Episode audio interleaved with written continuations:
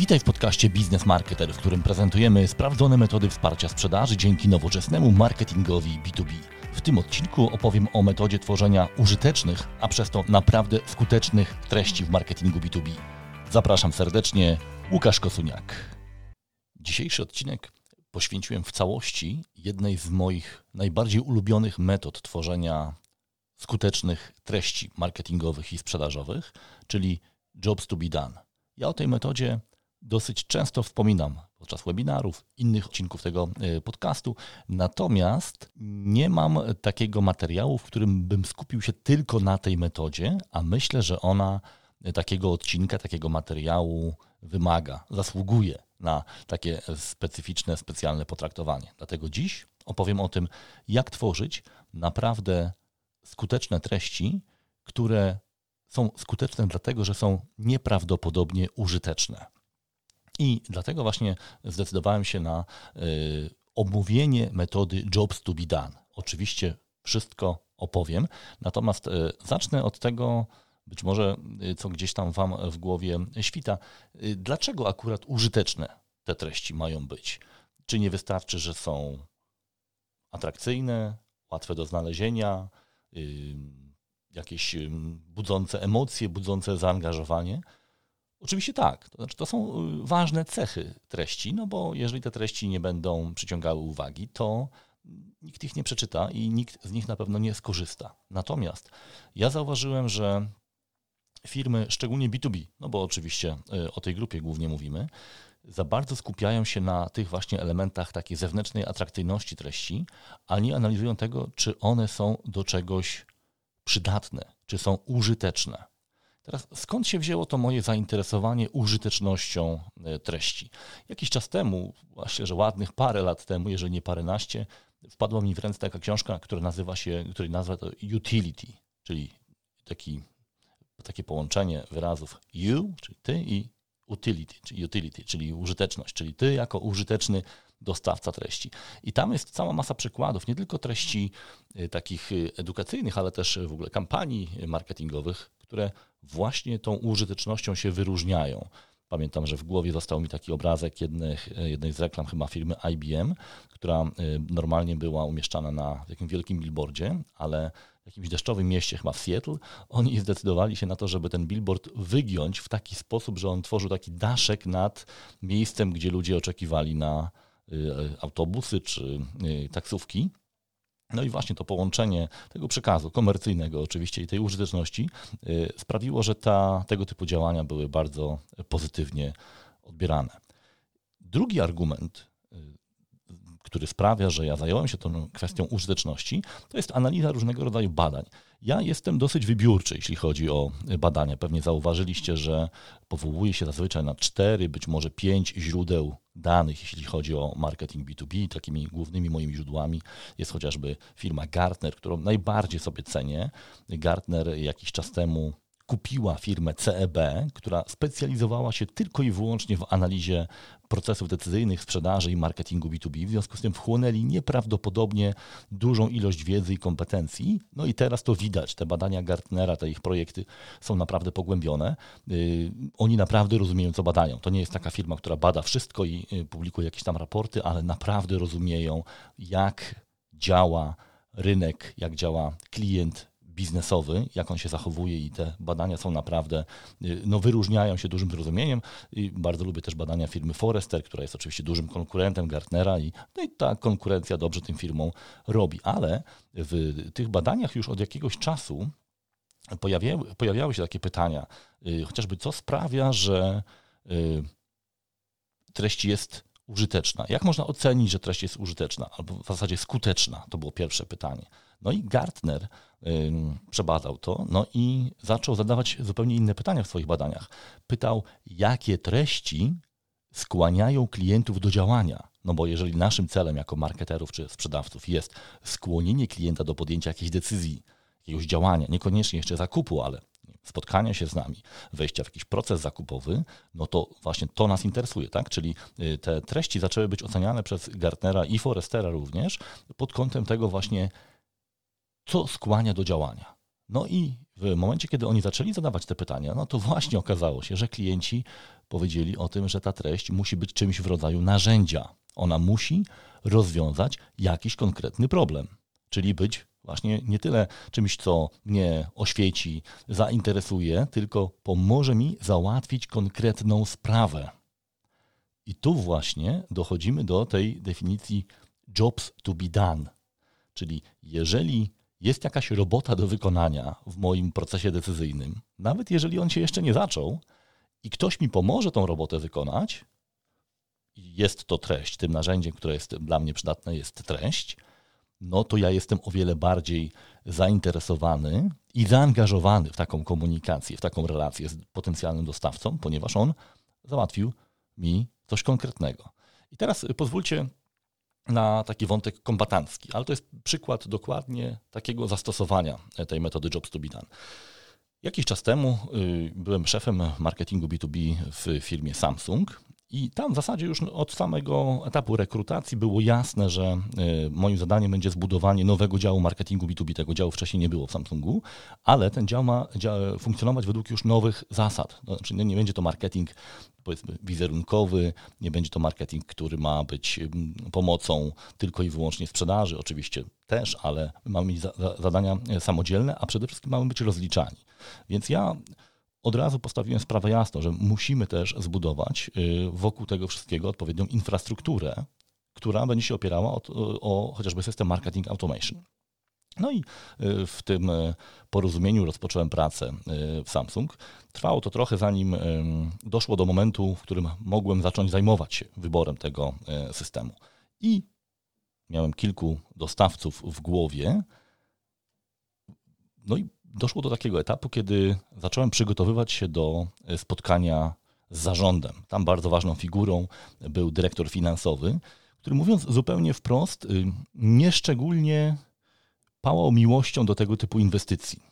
To znaczy on y, wiedział, że pewnie się to przyda, ale nie, nie, do końca był przekonany, że teraz, że aż tyle pieniędzy to będzie kosztowało, bo myśmy kupowali jednak system klasy korporacyjnej, on musiał być zintegrowany z wieloma innymi systemami, więc to były duże pieniądze.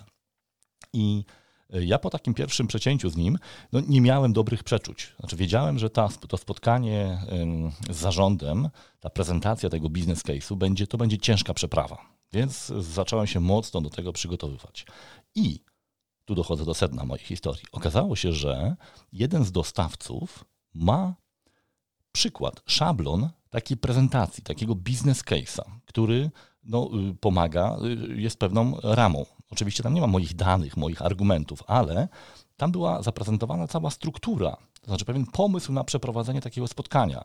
Jakie dane są mi potrzebne? Jakie argumenty powinienem przygotować w stosunku do różnych członków tego zarządu. Tam byli y, ludzie odpowiedzialni za sprzedaż, właśnie za y, finanse. No, był oczywiście prezes, był mój szef, który był odpowiedzialny właśnie za sprzedaż y, do całego rynku B2B E, był też człowiek odpowiedzialny za IT, wtedy jeszcze nie było RODO, ale byli też już ludzie odpowiedzialni za, e, za privacy, za, za, za ochronę danych i tak dalej.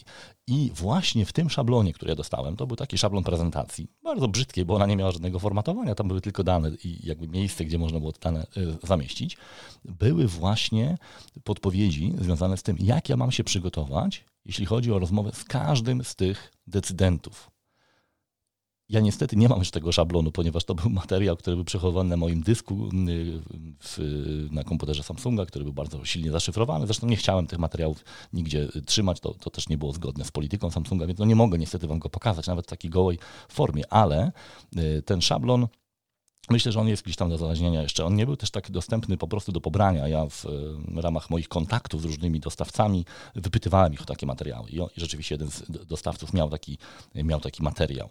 I ten materiał sprawił, że po pierwsze, ja nabrałem pewności, to znaczy dostałem jakąś strukturę, jakąś ścieżkę. To jest trochę tak, jak y, ktoś chodzi w góry, ale no nie jest zawodowcem, widzi taką wielką górę, myśli sobie, kurczę, jak ja tam wejdę?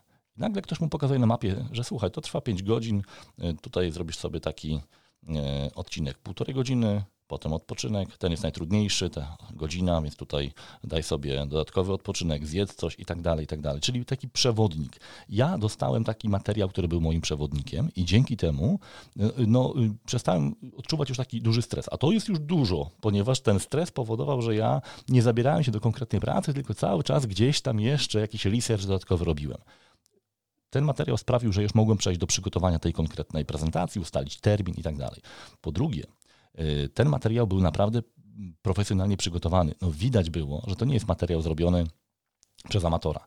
Prawdopodobnie pracowało nad tym materiałem kilka osób, które mają ogromne doświadczenie w sprzedaży tego typu produktów, bo tam były naprawdę pytania, które potem padały, y, albo tematy, o których warto było wspominać podczas takiego spotkania to robiło duże wrażenie.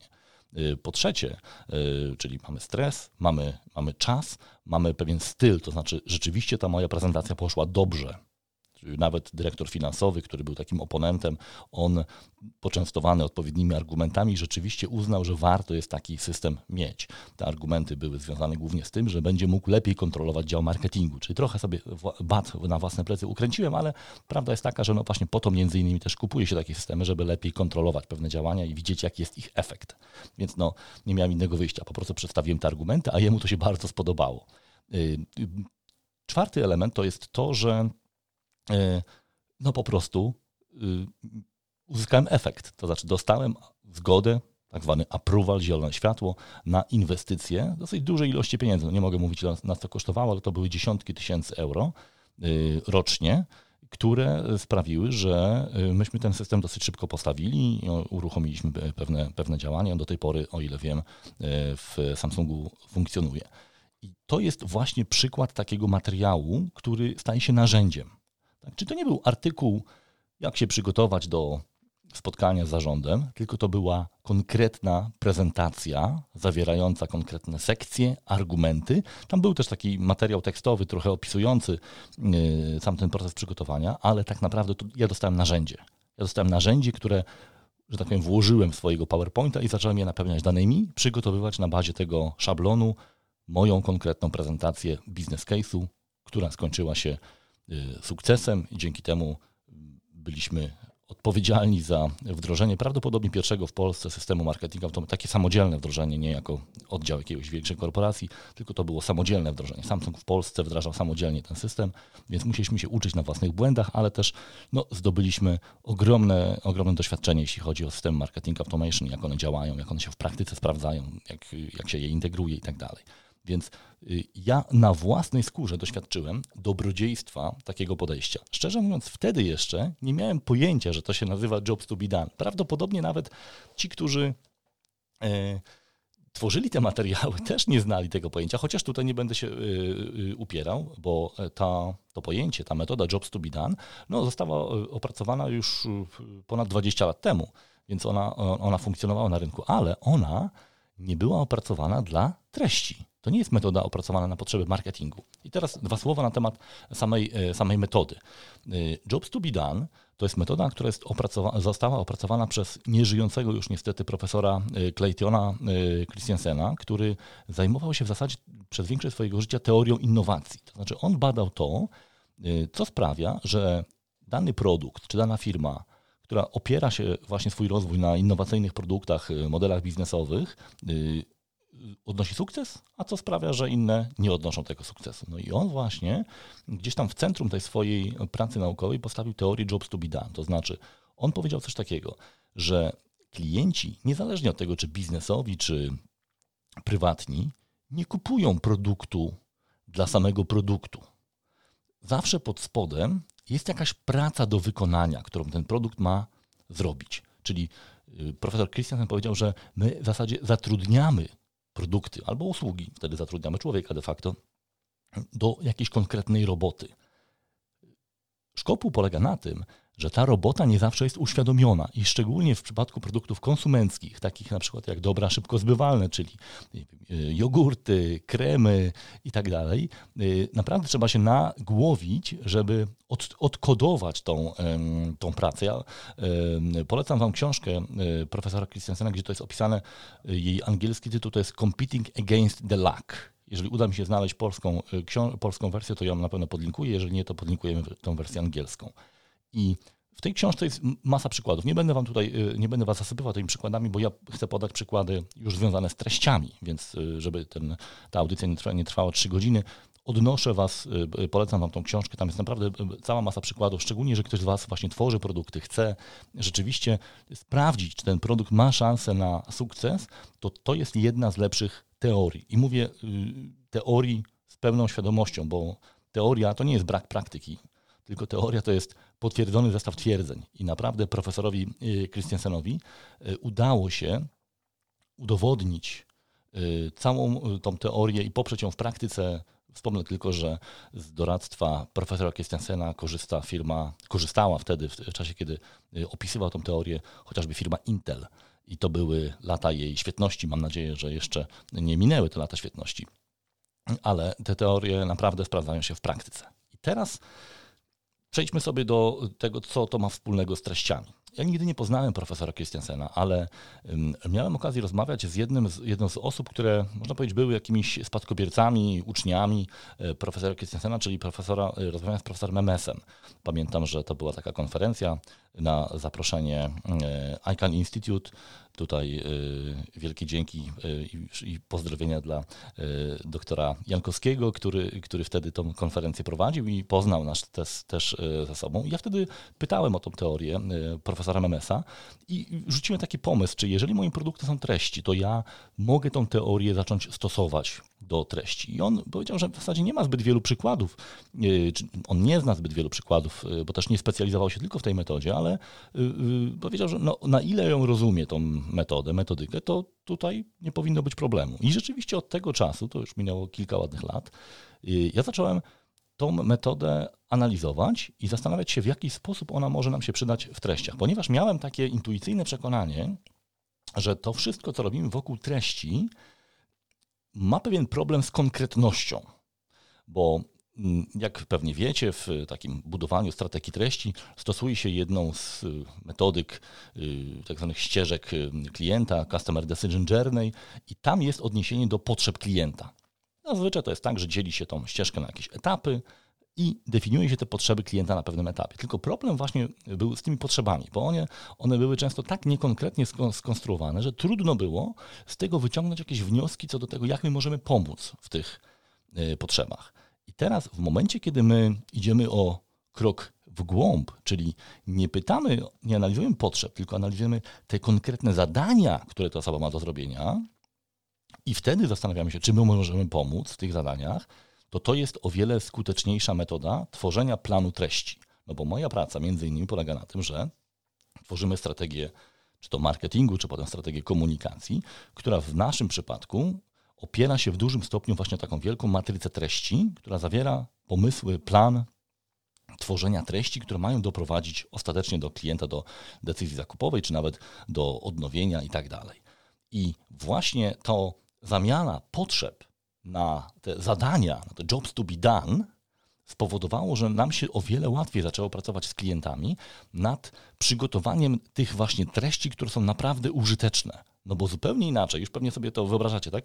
Pracuje się nad takim e, pytaniem, jakie jest zadanie tej osoby na tym konkretnym etapie procesu decyzyjnego. Przejdziemy sobie przez te, przez, przez te przykładowe etapy niż jakie ona ma potrzeby. Oczywiście te potrzeby można konkretyzować, czasami to się udaje, ale jednak to zadanie, co ja mam zrobić, jak to młodzież mówi, co ja mam ogarnąć, co ja mam załatwić, co musi się wydarzyć, żebym ja mógł, mogła przejść na kolejny etap, jest dużo konkretniejsze. Myślę, że to też będzie dużo konkretniejsze, jak przejdę do, do przykładów. To, y, to oczywiście yy, za chwilę.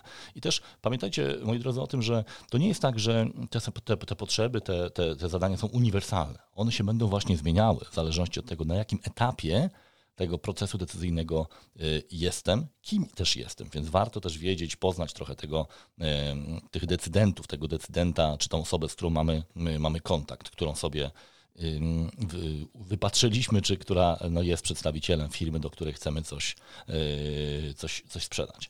No to przejdźmy sobie w takim razie przez pewien proces, który my zazwyczaj stosujemy, żeby te mikrozadania, takie nazywam, the jobs to be done, zidentyfikować. No, przede wszystkim pierwszy etap tego procesu to jest rozpoznanie procesu decyzyjnego. Tu nie ma możliwości przejścia tego, przeskoczenia tego etapu. Jeżeli ja nie rozumiem logiki działania moich klientów, tego, jak wygląda ten proces decyzyjny, to będzie mi bardzo ciężko, w zasadzie niemożliwe jest odkodowanie tych, tych zadań. Natomiast jeżeli ja już zaczynam wiedzieć, z jakich etapów składa się proces decyzyjny mojego klienta, to idąc w głąb, mogę też zacząć szukać właśnie tych mikrozadań. I teraz mm, my to robimy na wiele sposobów, w zależności od tego, jak duży jest projekt, jak duży jest klient, jak bardzo skomplikowane produkty i tak dalej. Takim najbardziej kompleksowym podejściem, jakie stosujemy, jest właśnie badanie Bayer Persona, o którym już wielokrotnie mówiłem, bo to jest badanie niemal stworzone do odkodowywania tych rzeczy. To znaczy, tam bardzo szybko wychodzą nam pewne elementy, które mówią na przykład, że y, jest jakaś potrzeba przygotowania, jakiegoś porównania, że y, jest pewien problem z uruchomieniem pewnych działań, które, y, które poprzedzają wybór. No, podam wam przykład jednego z naszych klientów, firma, która zamawiała która świadczyła usługi transportowe, no jej klienci oczywiście zamawiali te usługi transportowe, transport taki taksówkowy można powiedzieć. I tam jednym z etapów procesu było przeprowadzanie badań satysfakcji związanych z poprzednim dostawcą. Co kilka miesięcy oni musieli taki Y, takie badania przeprowadzić. No i cóż się okazywało, że bardzo często właśnie ten proces zakupu, czyli wyboru nowego dostawcy, był wydłużany, ponieważ oni mieli ostre dyskusje na temat tego, jak taka ankieta powinna wyglądać, ponieważ w firmie nikt się nie znał na tworzeniu takich ankiet, a ponieważ nikt się nie znał, no to wszyscy się wypowiadali w tej sprawie, więc było 20 różnych pomysłów, jak ta ankieta ma wyglądać. W związku z tym czasami mijały miesiące, zanim oni ustalili, jak ta ankieta ma wyglądać i y, w związku z tym ten cykl zakupowy się po prostu wydłużał, co oczywiście było bardzo niekorzystne dla naszego klienta, który chciał po prostu jak najwięcej ilości, y, jak najwięcej tych kontraktów sprzedać. Więc y, co zrobiliśmy? No, stworzyliśmy taką profesjonalną, zaprojektowaną przez badacza czy badaczy ankietę satysfakcji, która wskazywała na to, jakie elementy, co się zmieniło, co jest ważne, y, jak pewne elementy, pewne kryteria się zmieniają, które już nie są istotne i tak dalej. Co to dało? E, no, ucięło większość tych dyskusji związanych z tym, jak ta ankieta powinna wyglądać. Oczywiście ten szablon był do modyfikacji, ale jak się potem zorientowaliśmy, y, wiele firm po prostu przyjmowało ten szablon i używało go bez body modyfikacji, uznając, że ponieważ zrobi to fachowiec, to jest na pewno to lepsze niż to, co oni sobie tam wymyślą i co w pewnie większości przypadków było prawdą. Więc My mamy y, możliwość dobierania, stworzenia takich bardzo użytecznej treści, ale tylko wtedy, kiedy dokładnie rozumiemy, y, jak ten proces wygląda, gdzie są te blokady, co musi się wydarzyć, żeby ten proces poszedł dalej. No bo zdajecie sobie sprawę, że gdyby ta kwestia ankiet dalej się tak ciągnęła, no to oczywiście te, te procesy w skali działania naszego klienta, byłoby ich po prostu mniej, no bo po prostu coraz dłużej trwałoby wybieranie tych, y, tych, y, tych dostawców. Czyli jeżeli sobie ustalimy ten proces decyzyjny, chociażby na przykład stosując tą metodę Bayer Persona, która jest moim zdaniem, tak jak powiedziałem, jedną z najlepszych metod odkodowywania tych, y, tego procesu, no to wiemy chociażby, kiedy zaczyna się w ogóle taki proces? Co go powoduje? Czy to jest jakaś zmiana, jakiś, jakaś zmiana regulacyjna? Nie wiem, czy prezes wrócił z konferencji, został natchniony, czy coś tam się posypało i trzeba to naprawić i tak dalej. Kto bierze udział w procesie? To już też nam powie, jakby jakie problemy, jakie potrzeby, jakie zadania te osoby mają do zrealizowania. Jakie są przeszkody? No właśnie bardzo często właśnie to, y, to definiowanie tych przeszkód powoduje, że my mamy pewien pomysł. Na przykład, y, nie wiem, czy jesteście zaskoczeni, czy nie, ale ja spodziewałem się, że w ramach tych badań jeżeli pytamy o przeszkody w procesie decyzyjnym, czyli co go wydłuża, co go uniemożliwia, utrudnia, no klienci będą mówili, że na przykład no, ten produkt nie jest dobrze opisany, albo że on nie spełnia ich y, wymogów i tak dalej. Otóż okazuje się, że w większości przypadków klienci narzekają na postawę handlowców, albo opiekunów, albo, albo marketerów, którzy no, nie odpowiadają na czas, nie, dostarczają odpowiednich informacji, yy, zwlekają z jakimiś wycenami czy kalkulacjami. W związku z tym, jeżeli my widzimy, że to jest przeszkoda, a ta osoba, która no, jest odpowiedzialna za ten proces zakupowy po stronie klienta, może ucierpieć z tego powodu albo no, mieć pewne opóźnienia w pracy, że ktoś nie dostarcza na czas informacji, no to już wiemy, że musimy naprawić ten konkretny problem. Czyli jeżeli na przykład, nie wiem, coś zajmuje za dużo czasu, to być może trzeba zrobić jakiś kalkulator, jakąś, jakieś e, narzędzie, jakieś, coś, co wyliczy nam pewne elementy i przyspieszy ten proces. I tak rzeczywiście często, e, często robimy, tworzymy tak zwane kalkulatory oszczędności, kalkulatory korzyści, no właśnie po to, żeby nikt tego ręcznie nie wyliczał, tylko już po kilku minutach, czasem sekundach można było klientowi odpowiedzieć, e, proszę pana, proszę pani, tu jest strona, gdzie można sobie bardzo precyzyjnie pewne rzeczy wyliczyć, ja chętnie omówię wyniki później. Zresztą do tego omawiania wyników jeszcze, jeszcze, jeszcze wrócę. Więc y, jeżeli mamy możliwość przeprowadzania tego badania Bayer Persona, to to moim zdaniem w przypadku dużych, y, takich większych biznesów i skomplikowanych procesów decyzyjnych jest najlepszy y, pomysł. Jeżeli nie mamy takiej możliwości, to znowu warto jest robić sobie taki szeroki research, czyli zbierać pytania. Wielokrotnie tutaj już mówiłem o e, tej metodzie The Ask You Answer, czyli opisanej w książce, która już po polsku jest na szczęście, czyli to chce wiedzieć klient. Dzięki temu my wiemy, zaczynamy, mamy możliwość wyfiltrowania tych rzeczy, które naprawdę interesują klientów. No i oczywiście tam trzeba trochę interpretacji na to nałożyć, no bo nie zawsze te pytania klientów wskazują wprost, jakie są te etapy procesu decyzyjnego. Y, oczywiście warto jest przeanalizować to, co y, dzieje się w mediach społecznościowych, dyskusje, y, pytania, trendy, sprawdzać chociażby narzędzia SEO czy panele reklamowe Google'a, gdzie widać jest jakie frazy, jakie, jakie słowa kluczowe y, trendują, jakie są ważne, jakie są, y, jakie, jakie frazy teraz, że tak powiem, chodzą po głowie naszym klientom. No, w tym przypadku tutaj no nie, ma, nie ma cudów. Trzeba trochę też nałożyć na to swojej własnej wiedzy, doświadczenia i gdzieś tam zacząć wychwytywać te, te problemy, które mogą być yy, dla klientów yy, no, takim utrudnieniem czy zadaniem do, do, do, do, do wykonania.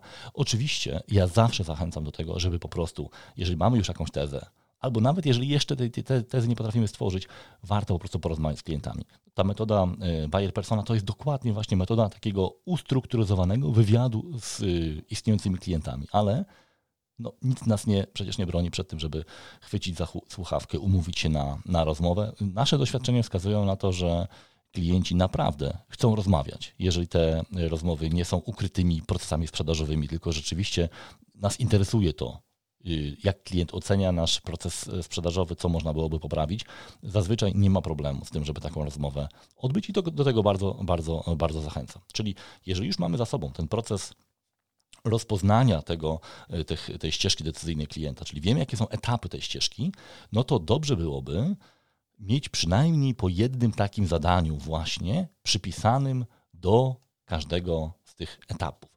Ja dla uproszczenia stosują taką metodę AIDA+, tak? czyli tę to metodę AIDA, czyli Awareness, Interest, Desire, Action, czyli świadomość, zainteresowanie, porównanie, zakup. Ja dodaję jeszcze y, adopcję, czyli coś, co się dzieje po zakupie. Jak my możemy pomóc temu klientowi lepiej zaadoptować ten produkt, wdrożyć go w, w, swoje, w, swoje, w swoje życie. Tutaj jeszcze jedna taka techniczna uwaga. Mm, ja mówię o, o treściach, które są pomocne, które są tymi narzędziami, ale czasami to jest tak, że to nie jest pojedyncza treść i ja szczerze mówiąc, to coraz bardziej się przekonuję do tego, żeby to nie była pojedyncza treść, tylko raczej pewien proces, który my chcemy za, zaproponować. Na przykład, jeżeli mamy y, materiał, który ma klientowi pokazać, jakie są pewne kroki do wykonania pewnego działania, czyli co warto wiedzieć albo co warto zrobić, żeby nie wiem, y, napisać dobry artykuł na bloga, to na przykład taki materiał możemy ująć w formę checklisty. Mm, ale jeżeli to jest coś bardziej skomplikowanego, to czasami sama ta checklista nie jest wystarczająca, żeby ten klient odczuł y, taką, takie przekonanie, ok, dobra, jestem gotowy, idę dalej. Więc warto jest czasami do tej checklisty dołożyć propozycję na przykład bezpłatnej konsultacji, czyli omawiamy sobie z klientem to, co mu wyszło z tej checklisty, ile tych elementów jest tam potwierdzonych y, i już osoba, która tą konsultację prowadzi, może jeżeli jest dobrze przygotowana, umiejętnie przejść już na kolejny etap procesu decyzyjnego, budując oczywiście wcześniej odpowiednie zaufanie i pomagając tej, tej osobie. Drugi przykład. Y, kalkulator oszczędności plus sekwencja e-mail.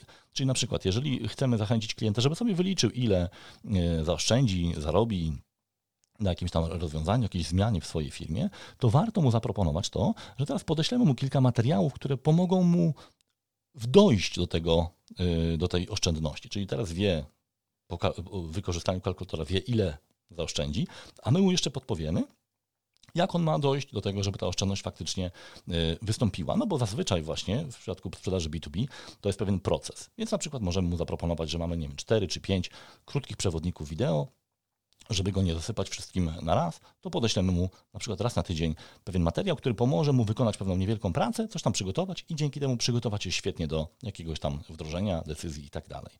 Y, na przykład są takie y, narzędzia samooceny, tak? Y, plus, które my często łączymy z jakimś tam mini kursem, tak? czyli ktoś na przykład orientuje się, że mm, nie wiem, dojrzałość organizacji, dojrzałość marketingowa organizacji, jego jest na poziomie, nie wiem, 2 z 5. W związku z tym już w zależności od wyniku, czyli w sposób zindywidualizowany, proponujemy mu jej jakieś tam treści, które są ujęte w jakiś mini kurs. No i oczywiście w ten sposób też pozyskujemy dane, możemy z tym klientem się o wiele lepiej komunikować. Często na przykład podczas webinaru my pokazujemy pewną metodę, a potem po webinarze często właśnie oferujemy jakieś tam bezpłatne konsultacje albo przekazujemy materiały typu jakieś szablony. Nie wiem, jeżeli jest webinar o marketing automation, to czasem oferujemy, czy to na szkoleniach, czy na webinarach, zazwyczaj na tych zamkniętych, y, jakieś przykłady, szablony, tak żeby klient po tym webinarze, mając już wiedzę, mógł sobie coś samodzielnie y, wykonać. I dzięki temu ta, y, to, to jobs to be done jest nie tylko dostarczone, ale też pomagamy klientowi coś z tym zrobić. Czyli idziemy jeszcze o krok dalej. Oczywiście z punktu widzenia dostawcy to jest ważne, dlatego że my temu klientowi nie tylko zaspokajamy jego pracę, tak, tą, tą jobs to be done, tak, ale też uruchamiamy jego działanie, no bo to już nie jest jedna interakcja, ale ten klient otrzymuje propozycję kolejnych działań. No teraz w zależności oczywiście od tego, jak my to zrobimy, to może być właśnie jakiś deadline na przykład, czyli mówimy, yy, umówimy się za tydzień, za 10 dni na konsultacji, gdzie omówimy wyniki tej ankiety. Więc jeżeli klient się na to godzi, no to zakładamy też, że pewnie tą ankietę przejdzie i będzie te wyniki przy sobie miał. W związku z tym niejako aktywujemy tego klienta. Pamiętacie, jak mówiłem na początku, jakie treści są cenione przez klientów? No właśnie te, które skłaniają do działania. Więc jeżeli my połączymy te treści w jakieś pakiety, tak że między jednym a drugim działaniem jest jakiś interwał czasowy, ale trzeba coś zrobić, żeby do tego drugiego etapu dojść, no to to jest właśnie to uruchomienie działania. A ja z praktyki wiem, nie tylko y, moich klientów, ale i swojej, że właśnie najtrudniej czasami to koło zamachnąć. Więc jeżeli ktoś mnie zmotywuje do działania, na różne sposoby te motywacje są mniej lub bardziej uczciwe, ale jeżeli ja zaczynam już jakieś działania wykonywać, to wchodzę w pewien rytm i zaczynam iść w stronę tego, tej decyzji, na której mi najbardziej y, zależy, czyli rozwiązania jakiegoś tam y, problemu. To pozwólcie, moi drodzy, że teraz Y, tak konkretnie y, rozmawiamy sobie o przykładach. Takich przykładach, które myśmy mm, wdrażali u siebie albo u swoich klientów, tak żebyście widzieli, co, co my możemy zrobić w ramach tych działań Jobs to be done. Co to mogą być za użyteczne treści. I tak jak Wam powiedziałem, przejdziemy sobie przez taką strukturę, y, powiedzmy, uśrednionego procesu sprzedaży, zakupu z perspektywy klienta, która składa się z takich etapów jak budowanie świadomości, budowanie zainteresowania czy wyzwolenie zainteresowania, jakieś porównanie opcji produktów, potem jest proces zakupu i na końcu mamy właśnie etap y, ułatwienia korzystania z produktu. Ja to czasem nazywam adopcją produktu. Więc co może, jakie treści mogą być takimi treściami użytecznymi na etapie budowania świadomości? Myśmy się zorientowali, że bardzo, właśnie z tych badań Bayer Persona to świetnie wychodzi. To są naprawdę bardzo cenne badania. My nie możemy się dzielić nimi mm, po podaniu dla konkretnego klienta, no bo to jest wszystko objęte tajemnicą, ale pewne zjawiska powtarzają się po prostu i my widzimy te trendy. Mianowicie bardzo często na etapie budowania świadomości yy, klienci w głowie mają chaos, czyli mają całą masę jakichś niepoukładanych informacji, tak naprawdę nie potrafią ich ocenić, no bo informacji zazwyczaj nie brakuje, tylko klientowi, tym osobom, które są na tym etapie zaangażowane w ten proces decyzyjny, brakuje jakichś narzędzi, umiejętności wyfiltrowania z tego e, szumu informacyjnego czegoś, co jest istotne. Więc naszym celem zazwyczaj jest dostarczenie takich treści, których celem jest ułożenie klientowi w głowie pewnego porządku, poukładanie chaosu, zaproponowanie takiego podejścia krok po kroku.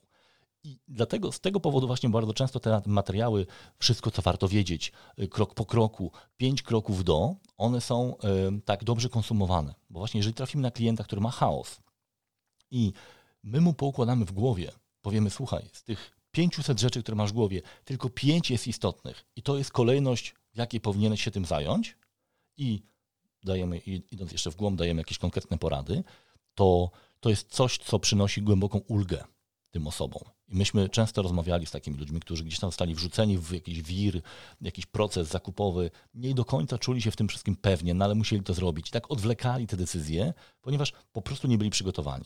I teraz w momencie, kiedy oni dostają taką pigułę, taki materiał, który jest dobrze poukładany, który odfiltrowuje śmieci, y, wtedy ta osoba czuje pewien spokój, widzi w zasadzie ocenia, że jest już przygotowana i, i przechodzi na kolejny etap. A to jest właśnie nasz cel. To znaczy sprawić, żeby klient przechodzi przez te kolejne etapy budowania świadomości. Czyli to właśnie są takie materiały, zazwyczaj artykuły typu krok po kroku, wszystko co warto wiedzieć. My e, z tego powodu też polecamy klientom, sami też tworzymy tak zwane pillar page, czyli takie strony, które są wielkimi przewodnikami, czyli wszystko co warto wiedzieć o na przykład mamy taki pillar page o content marketingu, o marketing automation, no bo wiemy, że jeżeli klient y, rozważa zakup systemu marketing automation, no to dobrze byłoby, żeby w jednym miejscu była taka, y, taki zestaw informacji, niezbyt duży, ale też nietrywialny, ten przewodnik nasz po marketing automation podejrzewam, że ma jakieś 40 tysięcy znaków, więc to nie jest taka stroniczka mała, to jest raczej, to się przewija i przewija, ale no, uważamy, że w jednym miejscu zebrane są te kluczowe informacje dla osoby, która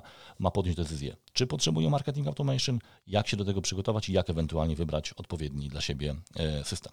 Zresztą podlinkuję to jako, jako przykład. Czyli te pillar page, takie wielkie przewodniki, one świetnie się sprawdzają właśnie jako materiały, jako porządkujące treści, szczególnie właśnie na tym etapie budowania świadomości, kiedy to uporządkowanie jest niezwykle ważne. Czyli w tym przypadku bardzo często mamy tak do czynienia z takim nieuświadomionym zadaniem. To znaczy, ci klienci zapytani, co powinno się stać, żeby pan, pani przeszła na kolejny etap.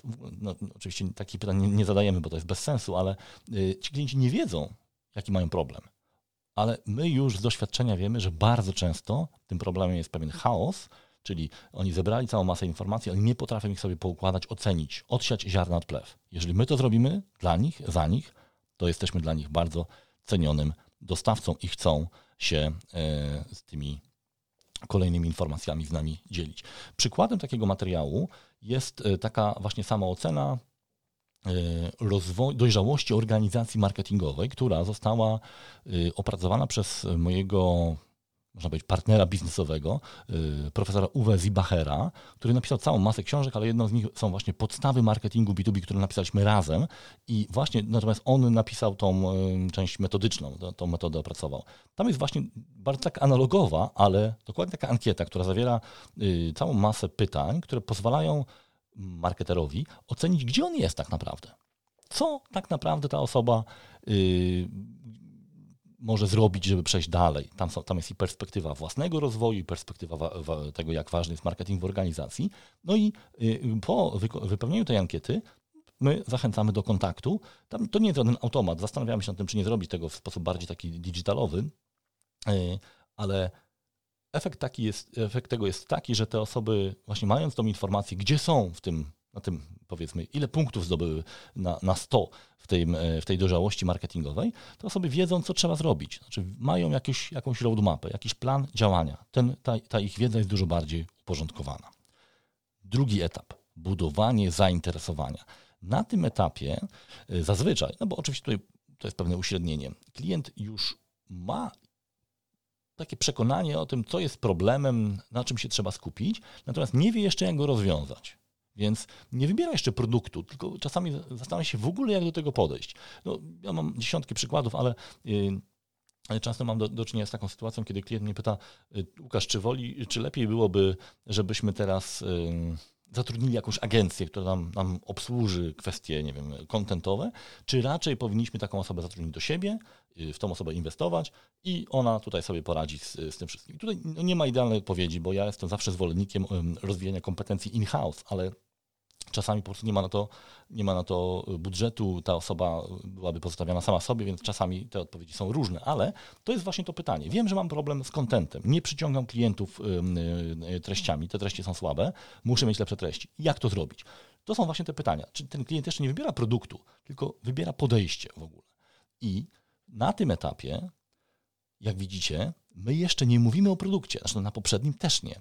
Tutaj na, to, na tą rzecz chcę Wam zwrócić uwagę, że to jobs to be done nie odnosi się do produktu naszego. Na tych kolejnych etapach my już będziemy coraz więcej o produkcie mówili, o tym, co mamy do sprzedania, ale na tym etapie my się skupiamy na usprawnieniu, takiego, można powiedzieć, przepchaniu tego procesu decyzyjnego. Dlaczego? No bo jeżeli ta osoba ugrzęźnie w tym procesie decyzyjnym, to nikt nie sprzeda. My też. Więc na tym etapie nie skupiajmy się jeszcze na tym, dlaczego nasz produkt jest najlepszy. Nie przemycajmy go gdzieś tam. Oczywiście te wszystkie materiały i tak są obrędowane, które dostarczamy i ten klient wie, od kogo je dostaje, ale na razie on ma do y, rozwiązania, jeszcze nie problemy związane z wyborem produktu, ale problemy związane z pewnym procesem. Czyli jak wrócimy sobie do tego przykładu z ankietą dla uczestników, y, dla, dla, dla, pracowników, którzy korzystali z usług transportowych, no to tam nie chodziło o to, żeby w tej ankiecie przemycić, że my jesteśmy najlepsi. Nie, tam chodziło o to, żeby nawiązać kontakt z osobą, która od nas dostanie taką ankietę, przeprowadzi ją, a my potem możemy sobie wrócić do tej osoby, zapytać jak poszło, yy, czy się udało i tak dalej i wykorzystać tą okoliczność do tego, żeby yy, tam gdzieś z ofertą się później pojawić. Więc pamiętajcie proszę, na początku my nie pomagamy w wyborze naszego produktu, tylko pomagamy w rozwiązaniu problemów, które się pojawiają na poszczególnych etapach procesu decyzyjnego. Czyli jeżeli tutaj mamy na tym drugim etapie, tym etapie zainteresowania, ta osoba już jest zainteresowana i ma wybrać rozwiązanie, zaangażować się trochę bardziej, to my możemy na przykład przedstawić plusy i minusy różnego rodzaju podejść. Tak? Czasami yy, to jest na przykład kwestia tego, czy lepiej mieć usługę, czy lepiej mieć produkt. Yy, warto jest też pokazywać, które rozwiązanie jest prostsze dla kupującego. Bo pamiętajcie, każdy z nas podejmuje decyzję, biorąc też pod uwagę swoją własną perspektywę. Więc jeżeli jakieś rozwiązanie będzie łatwiejsze w zakupie, łatwiejsze w ocenie, i my ułatwimy tą ocenę, przyspieszymy ten proces, to automatycznie osoba, która dokonuje tej oceny, no, będzie tym zainteresowana. My możemy też zasygnalizować, że jesteśmy w stanie w tym procesie pomóc. Czyli jak Wam wspominałem, czasami można połączyć to jobs to be done, to nie musi być jeden, jeden materiał. To może być właśnie materiał plus jakaś konsultacja, więc możemy tam zasygnalizować, że pomagamy też odpowiednio to wszystko przeprowadzić, ponieważ w wielu przypadkach też zapominamy o tym. My, sprzedając pewne rozwiązania, sprzedajemy je rutynowo, to znaczy mamy dosyć dużą wiedzę na ten temat, ale bardzo często w firmach, szczególnie jeśli chodzi o na przykład o jakieś rozwiązania, które kupuje się raz na kilka lat, nie wiem, CRM-a, nie ma zbyt wielu ludzi, którzy kupowali kiedyś CRM-a i oni nie wiedzą, jak się to robi. Więc każda pomoc, ale prawdziwa pomoc, nie udawana, będzie tutaj doceniana zazwyczaj przez tych y, klientów. No, przykładem takiego narzędzia może być na przykład kalkulator oszczędności, czyli możemy sobie na przykład wyliczyć, ile zaoszczędzimy, czy które rozwiązanie jest dla nas bardziej opłacalne, czy zatrudnianie specjalisty, czy wynajęcie agencji. I bardzo często to nie jest tak, że jedno rozwiązanie jest lepsze, a drugie gorsze, tylko na przykład w perspektywie krótkoterminowej wynajem agencji będzie lepszym rozwiązaniem, ale długoterminowo na przykład okazuje się, że bardziej opłaca się kogoś zatrudnić. No i ktoś już może podjąć bardziej świadomą decyzję. Y, bardzo często my tworzymy takie treści w formie takiej mapy drogowej, czyli pokazujemy, jakie kroki, co jeszcze trzeba zrobić, żeby odpowiednio wybrać to rozwiązanie, tak żeby ułatwić tej osobie dokonanie świadomego, świadomego wyboru, ale też ułatwić już komunikowanie na przykład swoim przełożonym, że jesteśmy na, że tak powiem, na ścieżce, on track, tak? że ja już nie jestem w chaosie, tylko już mam pewien materiał, przekazuję i tak dalej. My też pamiętajcie, że komunikujemy się w B2B z osobami, które nie podejmują decyzji samodzielnie zazwyczaj. Tam są komitety decyzyjne, więc warto jest też zadbać o to, żeby ta osoba, której, którą się kontaktujemy, mm, czuła się w jakiś sposób wspierana właśnie w tym swoim kontakcie z tymi decydentami. No, pamiętacie tą moją historię, tak? Ja byłem osobą, która zbierała informacje, brałem udział w procesie decyzyjnym, ale nie byłem jednym decydent, jedynym decydentem. Moim zadaniem było przekonanie innych decydentów. Więc na tym etapie już możemy też sygnalizować, że my możemy w tym pomóc. Tak? No i kolejny etap to jest chociażby porównanie produktów. Y, my możemy wtedy, już pamiętajcie, że wtedy już wchodzimy na ten etap komunikacji produktu, tak? czyli no już nie możemy udawać, że dajemy, nie wiem, obiektywną tabelkę porównującą produkty, ale możemy klientowi podpowiedzieć, jakie kryteria powinien wziąć, wziąć pod uwagę, porównując produkty. I tutaj znowu, ja zalecam pewną uczciwość, no bo jeżeli te kryteria wszystkie będą wskazywały na to, że my jesteśmy najlepsi, no to ktoś wcześniej czy później nam to, yy, że tak powiem, zarzuci i w erze mediów społecznościowych nie trudno jakiś kryzys wizerunkowy, więc tutaj ostrożnie z, tym, z, tą, z tą perswazyjnością tego typu materiałów. One mają być przede wszystkim użyteczne. Pamiętajcie, że wartość tych materiałów nie bierze się tylko z treści, które my tam przekazujemy, ale też z tego, że one są yy, powodem do kontaktu ten materiał nie musi być powieszony tylko na stronie do pobrania. On zazwyczaj, właśnie im dalej, im bardziej pogłębione te materiały, tym częściej one są wykorzystywane przez handlowców czy opiekunów, ponieważ oni mają dzięki temu okazję do kontaktu. Nie tylko na zasadzie, kiedy pan kupi i tak dalej, tylko porozmawiamy teraz o wynikach ankiety, porozmawiamy o wynikach y, kalkulacji i tak dalej, i tak dalej. Więc nie chodzi zawsze o to, żeby w tym materiale było czarno na białym, że my jesteśmy najlepsi. Nie. Ten materiał ma być na tyle użyteczny, że on umożliwia wejście w dyskusję, w komunikację między y, powiedzmy handlowcem, dostawcą, a odbiorcą, czy tą osobą, która w tym procesie decyzyjnym y, wykonuje pewne zadania właśnie. Im bardziej my na tych zadaniach się skupimy, tym więcej będzie okazji do tego kontaktu. No, kolejny etap to jest chociażby zakup. No i na tym etapie tutaj właśnie y, często występuje taka sytuacja, że mamy, nie wiem, dwóch wybranych dostawców i wcześniej czy później trzeba udać się po akceptację kosztów.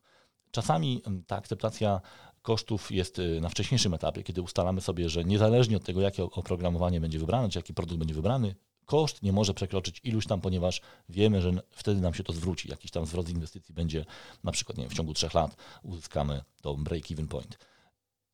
Czasami to jest już na etapie właśnie, kiedy mamy dwóch dostawców wybranych, wtedy już wiemy, z czym mamy do czynienia i idziemy na zarząd.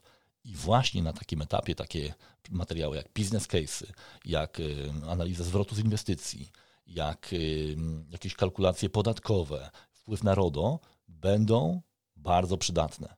Więc jeżeli macie tego typu produkty, które podlegają takim analizom, to ja bardzo zalecam, żeby takie materiały stworzyć. Dlaczego? Ponieważ te materiały nie tylko pomogą Wam Waszą agendę, Wasz produkt, że tak powiem, przepchnąć, ale też będą bardzo przydatnymi materiałami dla osoby, która będzie Was reprezentować wobec zarządu. No pamiętajcie, ta dynamika często jest taka, że my rozmawiamy z jakąś osobą, która potem idzie, bierze te materiały, i gdzieś tam w innej salce konferencyjnej prezentuje je w naszym, nie tylko w naszym imieniu, przed zarządem, czyli reprezentuje nas. Czyli im lepiej my tą osobę przygotujemy do tego spotkania, tym lepiej i dla tej osoby, no bo tam często się ważą też losy kariery tej osoby, y, ale i dla nas. Ponieważ no, im lepiej przygotowany materiał, tym mniej, mniejsze ryzyko błędu, jakiegoś przekręcenia, jakiegoś zapomnienia. To jest właśnie ta różnica między y, treściami perswazyjnymi i pomocniczymi, które ja często wprowadzam właśnie w, y, tworząc te strategie treści. Treści perswazyjne to są treści, które mają za zadanie przekonać tego naszego odbiorcę, tak? dlaczego jest, warto z nami rozmawiać, dlaczego jesteśmy najlepsi. No i to też są bardzo potrzebne materiały, ale w pewnym momencie dochodzi do takiego etapu, kiedy ten odbiorca już mówi, ok, dobra, ja już jestem przekonany, teraz pomóżcie mi, czy fajnie było, gdyby to powiedział, czasami tego nie mówi, ale wiemy, że jest taka potrzeba pomóżcie mi przekonać mojego dyrektora finansowego albo prezesa, że warto te pieniądze wydać. I wtedy właśnie my przełączamy się w ten tryb treści pomocniczych, czyli my już nie jesteśmy tym, który, że tak powiem, nagabuje tego naszego odbiorcę, partnera po stronie klienta, tylko my mu pomagamy. My staramy się ustalić, z kim on będzie miał do czynienia, jakie tam mogą być tematy i im lepiej my rozumiemy ten proces, tym lepiej jesteśmy do tego przygotowani. Znaczy, im więcej tych cykli przeszliśmy, tym więcej tych materiałów mamy. I ja często widziałem, jak klienci są zaskoczeni, że my wiemy, że klient będzie, że on się spotka z pytaniem o RODO, o, nie wiem, o, o zwrot z inwestycji, o wpływ na podatki, wpływ na środowisko, na różne, różne, różne elementy. Dlaczego? Ponieważ te procesy wbrew pozorom, jeśli mówimy o jakiejś konkretnej branży, aż tak bardzo się nie różnią. I my wiemy, że te pytania wcześniej czy później padną. Więc mając tego typu treści, te właśnie takie treści narzędziowe, my jesteśmy zupełnie w innym miejscu. My jesteśmy wsparciem dla tego naszego odbiorcy, a nie tym, który go czegoś od niego chce. Teraz to my pomagamy tej osobie przejść przez ten proces, no bo już wiemy, że w zasadzie odwrotu nie ma. Ktoś będzie wybrany. Tylko teraz jest pytanie, czy będzie wybrany, jak szybko, no i oczywiście, czy będziemy to, y, czy będziemy to my. Jest jeszcze jeden etap, a w zasadzie całe, yy, można powiedzieć, cała era, cały, cały zestaw takich etapów, które następują po zakupie produktu. Bardzo często właśnie firmy bardzo intensywnie działają do etapu sprzedaży, a potem jest jakieś wdrożenie nie wiem, techniczne, powiedzmy onboarding i koniec. Natomiast bardzo często, szczególnie w produktach odnowieniowych, ta sprzedaż nigdy się nie kończy. No bo jeżeli ten klient nie uruchomi tego produktu, nie, wy, nie wdroży go, nie wykorzysta, nie zachęci pracowników, żeby z niego korzystali, no to może się okazać, że albo będzie bardzo niezadowolony, albo nie odnowi, albo będzie rozpowiadał potencjalnym klientom, że to nie jest jednak dobry pomysł, żeby ten produkt mieć. Więc jeżeli tworzycie sobie ten plan treści, to pamiętajcie, że też są te etapy pozakupowe. Właśnie ja to nazywam często właśnie adopcją, czyli co my możemy zrobić, żeby ta adopcja, wykorzystanie tego produktu wzrosło? Czy jest jakiś pakiet informacyjny? My czasami wykonujemy wręcz takie, takie materiały, które są gotowcami, czyli jest na przykład komunikacja do użytkowników, jest jakieś mikroszkolenie, są jakieś materiały wideo, no właśnie po to, żeby ta osoba, która dostaje tą robotę wdrożenia na plecy, była też naszym przyjacielem, bo ona potem będzie pytana bardzo często, czy ten produkt się sprawdza. Jeżeli to jest odnowienie, no to oczywiście to jest kluczowe z punktu widzenia y, utrzymania czy rozwoju tego y, biznesu. Więc pamiętajcie, nie zatrzymujemy się w tych materiałach tylko na etapie sprzedaj i zapomnij, ale warto jest też się zastanowić, co później, co my możemy zrobić, żeby ten produkt był lepiej wykorzystany. No i to jest cała ta dziedzina Customer Success Management. I ja jestem dużym fanem takich firm, które się świetnie w tym sprawdzają, czy na przykład HubSpot, czy z polskich firm Brand24, czy chociażby GetResponse, które moim zdaniem bardzo fajnie teraz sobie radzi z takimi materiałami dla już użytkowników. Właśnie po to, żeby, ponieważ to są modele subskrypcyjne, żeby ci ludzie byli przekonani o wartości tego produktu i chcieli z nimi zostać. I to jest, myślę, że y, taka grupa firm, które warto, y, warto naśladować. Więc moi drodzy, mm, już małe podsumowanie, bo y, ponad 50 minut już opowiadam o tym Jobs to be done. Chciałbym, żebyście zastanowili się nad tym, jak możecie taką metodę wykorzystać. Ona wymaga pewnej, pewnego przygotowania, to znaczy, tak jak powiedziałem, ona wymaga znajomości procesu decyzyjnego i tego, jakie takie naprawdę zadania stoją przed tymi osobami. Natomiast jak zaczniecie myśleć o tym w kategorii zadań, to zobaczycie, że dużo szybciej przyjdą Wam pomysły na treści i one będą dużo bardziej konkretne, w efekcie dużo bardziej użyteczne. Co ta osoba musi zrobić? Bo jeżeli mówimy o potrzebach, to często to jest takie ulotne, takie niekonkretne. Natomiast jeżeli my powiemy, zaczniemy szukać zadań, to zaczniemy się właśnie zastanawiać nad tym, co ta osoba musi odhaczyć, zaliczyć, zamknąć, załatwić, ogarnąć, żeby można było iść dalej. I wtedy my wręcz mózg nam zaczyna podpowiadać automatycznie, czy z doświadczenia, czy z jakichś rozmów, e, podpowiedzi, właśnie pomysły na tego typu e, treści, które są bardziej narzędziami niż, niż, e, niż treściami. Pamiętajcie też proszę, że to nie musi być pojedyncza treść. Ja wręcz zachęcam do tego, żebyście szukali takich kombinacji typu, nie wiem, ankieta plus konsultacja, kalkulator plus yy, jakaś sekwencja mailingowa, webinar plus materia, webinar plus konsultacja, tak żeby yy, tego klienta nie tylko zaspokoić, jeśli chodzi o to, to jego zadanie, ale też wywołać pewną akcję, tak? czyli on zaczął coś robić, no bo jeżeli na przykład damy mu tą y, ankietę, checklistę, nie wiem, analizę dojrzałości, to być może on z niej nie skorzysta, ale jeżeli będzie chciał rzeczywiście dojść do tego etapu konsultacji, no to ta ankieta będzie musiała być wypełniona, w związku z tym automatycznie zaczyna się jakaś akcja po stronie klienta. Więc podsumowując, pamiętajcie, że w tym całym gąszczu treści, tym zasypie, takim wysypie treści, warto jest czasami ograniczyć ilość tych materiałów. Być może zmniejszyć ilość artykułów na blogu, a skupić się na tym, na czymś cięższym, czymś, czymś bardziej wartościowym, takim intensywnym treściowo, czyli materiale, który naprawdę pomaga zrealizować zakończyć jakieś konkretne zadanie tego klienta naszego na, na pewnym etapie procesu decyzyjnego. Im to jest bardziej konkretne, tym jest bardziej użyteczne i wtedy to jest bardziej też skuteczne. Więcej osób to pobiera, więcej osób godzi się na taką y, rozmowę z handlowcem, na różnego rodzaju konsultacje, ponieważ to załatwia bardzo konkretny problem. A oprócz tego, że no, klienci chcą z nami rozmawiać, no to oczywiście pojawiają się bardzo konkretne też korzyści, chociażby to, że jesteśmy jako marka, czy jako nawet marki te osobiste postrzegani jako eksperci, no bo im bardziej chodzimy w głąb, im bardziej pomagamy, tym większe jest takie przekonanie, że my się znamy na tej robocie, a to już jak y, pewnie wiecie z innych y, moich webinarów, ta postrzeganie eksperckości marki jest kluczowym czynnikiem, który wpływa potem na skuteczność procesu y, sprzedaży. Oczywiście te treści pomagają nam pozyskiwać lidy, no bo bardzo często my wymieniamy te materiały za lidy, i tutaj właśnie, jeżeli zaproponujemy pewien proces, to tym lepiej nam się nad tymi, nad tymi lidami pracuje, tak? Bo nie mamy tylko jednej interakcji typu pobrał, pobrała, checklistę, ale też umówiono spotkanie, konsultacja, webinar i tak dalej. Więc pamiętajcie, żeby gdzieś tam to w, do tych lejków swoich sprzedażowych e, wplatać. Rośnie też skuteczność handlowców, bo jeżeli te treści rzeczywiście załatwiają konkretną sprawę, to ten handlowiec nie musi już rozwiązywać tego problemu. Wręcz czasami handlowcy pytają, czy klient nie ma tego problemu, bo wie, że prawdopodobieństwo jest wysokie i ja czasem słyszę, że klienci są zaskoczeni. Tak, a skąd pani wie, skąd pan wie? No właśnie z tego powodu, że mam już doświadczenie pewne. I tego typu treści sprawiają, że handlowiec nie traci godzin czy całych dni na przygotowanie się do jakiegoś spotkania, tylko oferuje już bardzo konkretne rozwiązanie. Tutaj jest jedna sprawa, znaczy stworzenie tych treści też zajmuje czas, ale właśnie Po to jest ten etap przygotowania, określenia tych zadań, żebyśmy my tych treści nie tworzyli ciągle, tylko skupili się na pięciu, być może dziesięciu takich materiałach i w ciągu na przykład roku je sobie wyprodukowali. I wtedy już w każdym kolejnym cyklu będziemy korzystali z gotowych materiałów. Jest też taki element, który niedawno został fajnie zanalizowany przez Gartnera. E, Gartner mówi o czymś takim, że klienci, którzy nie korzystają z pomocy wyspecjalizowanych, e, dobrych handlowców, mają takie mniejsze poczucie pewności. To znaczy nie są przekonani, że oni te drogie produkty powinni kupować i często kupują takie produkty dużo tańsze, które nie spełniają ich oczekiwań, ale są good enough. Dlaczego? Ponieważ jest mniejsze ryzyko. Jeżeli się nie uda, no to nie wydałem aż tak dużo pieniędzy. Tak, zawsze mogę to wymienić i nikt nie wywali mnie z roboty.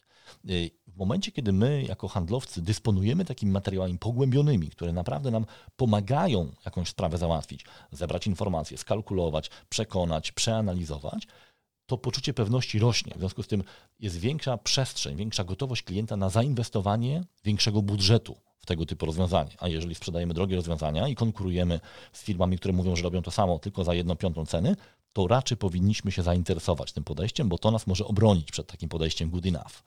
Y, I no, ostatni element, y, na który też zwracam uwagę, to jest pozyskiwanie wiedzy, nie tylko danych klientów, bo oczywiście możemy poprosić o wypełnienie formularza i tak dalej, ale w ramach tych rozmów, nie wiem, nad taką analizą dojrzałości marketingowej, my nieprawdopodobnie dużo informacji też pozyskujemy, czyli uczymy się. Klienci nam mówią, są dużo bardziej otwarci w mówieniu o swoich problemach, bo widzi, widzą, że to do czegoś zmierza, że my już im pomogliśmy pewne problemy rozwiązać albo zasygnalizować, że coś trzeba robić inaczej. W związku z tym są bardziej skłonni do dzielenia się tymi informacjami o tym, co u nich nie działa, yy, dlaczego to nie działa i tak dalej. W związku z tym jeszcze więcej się uczymy, w związku z tym jeszcze lepsze te materiały potem możemy tworzyć.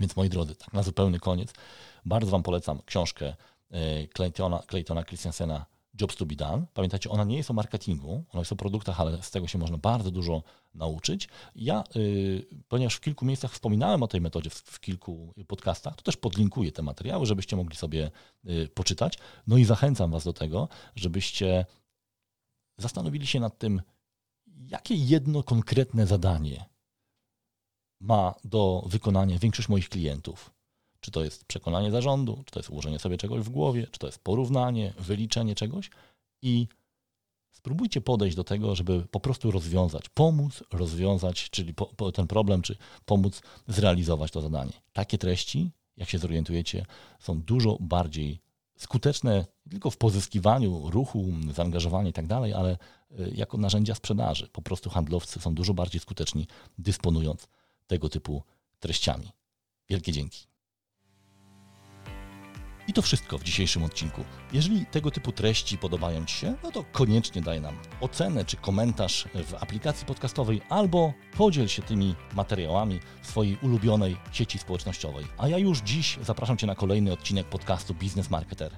Pozdrawiam serdecznie, Łukasz Kosumiak.